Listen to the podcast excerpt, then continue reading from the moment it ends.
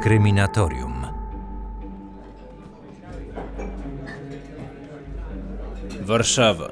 Wtorek, 2 lutego 1993 roku. W barze piwnym przy placu Banacha dochodzi do spotkania. Dziennikarz i ostatni polski kat rozmawiają przy kuflu piwa. Ilu ludziom odebrał pan życie? Nigdy nie liczyłem. Dlatego nie znam dokładnej liczby. Ile lat był pan katem? Ponad 13 lat.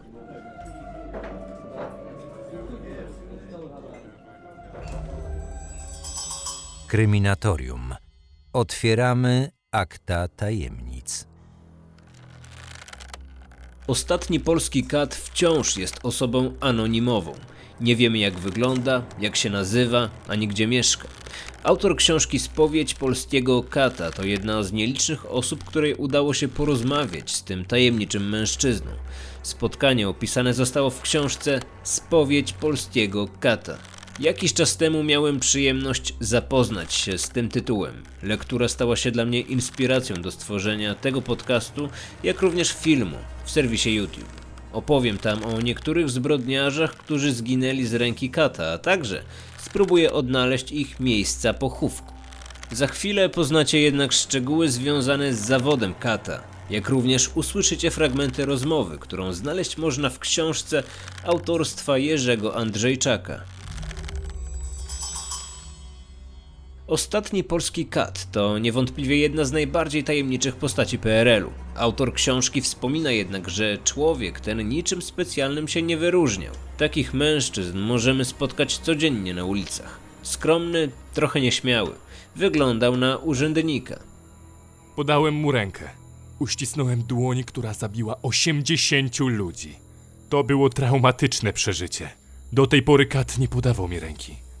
Jego dłoń była zimna i szorstka. Długo pozostałem pod wrażeniem tego dotyku. Autor książki spotkał się z Katem kilka razy. Czasami rozmawiali przy piwie, czasami przy wódce. Kat nie zgodził się na nagrywanie rozmów. Przy każdym spotkaniu dokładnie sprawdzał, czy dziennikarz nie ma przy sobie ukrytego dyktafonu. Kata nie dało się oszukać. Kiedy wykonał pan ostatni wyrok? 21 kwietnia 1988 roku o godzinie 17.30. W areszcie śledczym w Krakowie przy ulicy Montelupich. Skazany na karę śmierci za zabójstwo kobiety i usiłowanie zabicia jej córek. Dziennikarz dobrze znał odpowiedź na wszystkie te pytania. Chciał jednak sprawdzić pamięć swojego rozmówcy oraz zauważyć, czy podczas powrotu do wspomnień na twarzy kata widać jakiekolwiek emocje. Czy wyrok nie był zbyt surowy? Nie. On od dawna był opętany seksualną obsesją. Wywiózł swoją żonę, spodziewającą się dziecka, do szpitala. Później odwiedził znajomą, 40-paroletnią nauczycielkę. Wywabił ją z mieszkania, wywiózł do lasu. Tam dokonał brutalnego gwałtu. Kiedy kobieta zaczęła uciekać, dogonił ją i uderzył w głowę kluczem samochodowym. 27 razy. Potem wrócił do mieszkania i postanowił zabić jej dwie córki, które widziały, jak wychodził z domu z ich matką. Na szczęście nie doszło do kolejnej tragedii. Jak zachował się pod szubienicą? Nerwy go sparaliżowały. Dał sobie założyć pętlę na szyję bez walki? Nie. Odruch obronny cechuje prawie każdego skazanego. Kiedy nerwy puściły, zaczął walczyć o swoje życie. Kopał, gryzł, szarpał się, bluził, wył. Strażnicy skuli mu ręce z tyłu kajdankami i ciągnęli jak worek ziemniaków. Zapewne każdy słyszał o ostatnim życzeniu osób skazanych na śmierć. Czasami była to spowiedź, napisanie listu do rodziny, zjedzenie ulubionego posiłku. W takich chwilach wyobraźnia skazanego jest ograniczona przez strach, nerwy i stres. Aby życzenie zostało spełnione, trzeba było zachować pewne zasady. Ostatnia wola nie mogła spowodować wstrzymania wykonania kary śmierci na czas dłuższy niż godzinę. Nie mogły również zostać naruszone zasady moralności, przyzwoitości lub powagi chwili. Mówiąc w skrócie, skazaniec pod szubienicą musiał być trzeźwy. Powinien zapomnieć o seksie, alkoholu lub narkotykach. Niektóre życzenia były nietypowe. Kat wspomina na przykład skazańca, który przed śmiercią chciał usłyszeć swoją ulubioną piosenkę Beatlesów. Później poprosił o dokładne ogolenie głowy na łyso. W areszcie zastanawiano się, dlaczego zapragnął być łysy, ale te tajemnice skazaniec zabrał ze sobą do grobu. O co prosił skazaniec, na którym po raz ostatni w Polsce wykonano wyrok śmierci? Życzenie nie było niczym niezwykłym. Kat wspomina, że Stanisław Czabański poprosił o papierosa.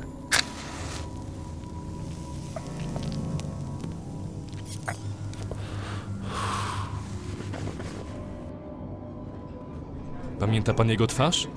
Tak, chyba najbardziej ze wszystkich moich ofiar. To był przecież ostatni skazaniec, nie? Ostatnia egzekucja, ostatnia śmierć. Wiedział pan wtedy, że robi to po raz ostatni? Nie, nie wiedziałem. Wykonałem tylko swoje mechaniczne czynności. Zwolniłem zapadnie i skazany spadł w studnie. Jak kłoda. Ciężar spadającego ciała zerwał rdzeń szyjny. Serce skazańca jeszcze pracowało. Ciało jego drgało w mimowolnych skurczach. Długo umierał? Około 20 sekund. Nigdy nie zobaczył swojego nienarodzonego dziecka. Kat zabijał w białych rękawiczkach. Niepisaną tradycją było rzucenie ich po wykonaniu egzekucji do trumny na piersi nieżyjącego skazańca. Jednak wcześniej należało spełnić kilka podstawowych zasad. Ciało skazanego powinno znajdować się w pozycji wiszącej przez przynajmniej 20 minut, po czym lekarz musiał stwierdzić, czy nastąpił zgon. W pomieszczeniu, w którym wykonywana była kara śmierci, powinna panować cisza. Ciało wydaje się rodzinie lub chowa na koszt państwa. Naczelnik sporządza protokół z wykonanej egzekucji, który podpisuje prokurator i lekarz. Co robił pan bezpośrednio po egzekucji? Samotnie szedłem na wódkę. Chciał pan zalać moralnego kaca? Nie. Odprężyć się i wrócić do psychicznej równowagi. Pomagał też długi spacer. Po egzekucji czułem się zmęczony, zarówno psychicznie, jak i fizycznie. Co wtedy robił drugi kat? Pana wspólnik y, pod szubienicą. Mówiłem już, że nie powiem nic o drugim kacie. W końcu taka była umowa, tak? A, No dobrze. A co czuł pan podczas wykonywania wyroku? Nic. Lubił pan oglądać, jak umierają wiszący na sznurze ludzie? Nie. Widok człowieka, który za chwilę przestanie żyć, nie sprawiał mi przyjemności. O co niektórzy mogliby mnie posądzać. Nie miałem jednak oporu przed wykonywaniem wyroków. Myślałem o tej osobie jako o kimś, kto nie powinien chodzić po ziemi. Czułem się jak na froncie, jakim jest nasze życie, na którym toczy się nieustanna walka dobra ze złem. Jedni umierali w ciągu kilku sekund, a inni męczyli się czasem kilka minut. Czuje się pan mordercą? Skazanych na śmierć zabijała wynajęta ręka sprawiedliwości. Teoretycznie katem mógł zostać każdy obywatel. Wcześniej trzeba było odbyć specjalne szkolenie, które trwało 6 miesięcy. Kat uczęszczał wtedy na wykłady z biologii, fizyki, prawa i etyki. Był również obserwatorem wielu egzekucji. Poprzednik naszego kata nie wytrzymał psychicznie. Załamał się nerwowo i zaczął nałogowo pić. Kiedy przeszedł na emeryturę, ktoś inny musiał przejąć jego obowiązki. Jako, że bohater książki Spowiedź Polskiego Kata nie miał żadnych oporów moralnych i psychicznych, podjął się tego odpowiedzialnego zadania. Pierwsza egzekucja. Wykonanie tego wyroku zapamiętam najbardziej. Kto był ofiarą? Morderca, który pozbawił życia żonę i dziecko. Nazwiska już nie pamiętam, ale skazaniec zaskoczył mnie tym, że podczas wykonywania wyroku zachował się spokojnie i godnie. To jego zimne, honorowe podejście wyryło się w mojej pamięci. A jaki był pana ubiór podczas wykonywania wyroków? Oprócz białych rękawiczek. No, zgodnie z regulaminem, czarny dwurzędowy garnitur, biała koszula i czarny krawat. Jednak regulaminu trzymałem się przez pierwsze lata. Później ubierałem się swobodnie, bardziej sportowo. W garniturze czułem się skrępowany. Ile osób wiedziało, że jest pan katem? Może kilkanaście. Kto znał pana najlepiej? Naczelnicy więzień i aresztów śledczych, gdzie wykonywałem egzekucje. Podczas egzekucji kaci zasłaniali swoje twarze. Dlaczego? Żeby zachować anonimowość? Katów zawsze otaczała nienawiść, strach i zarazem ciekawość. Jednak głównym powodem anonimowości była zasada, że karę powinna wymierzyć ręka sprawiedliwości, a nie konkretna osoba. Dlatego kat musiał być niewidoczny. Dane osobowe polskich katów są utajnione na okres 50 lat. O osobach wykonujących ostatnie kary śmierci w naszym kraju dowiemy się najwcześniej w 2038 roku. Kat przed objęciem swojego stanowiska musiał złożyć ślubowanie, które podczas jednego ze spotkań z dziennikarzem przytoczył z pamięci.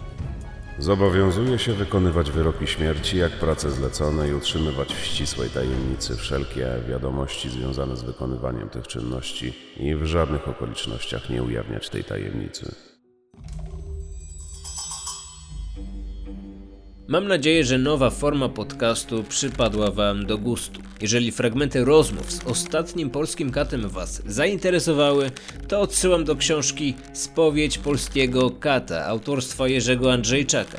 Tam znajdziecie zdecydowanie więcej szczegółów o zawodzie kata, o zbrodniarzach, którym założył na szyję pętle, jak również poczytacie o historii kary śmierci zarówno w naszym kraju, jak i na całym świecie.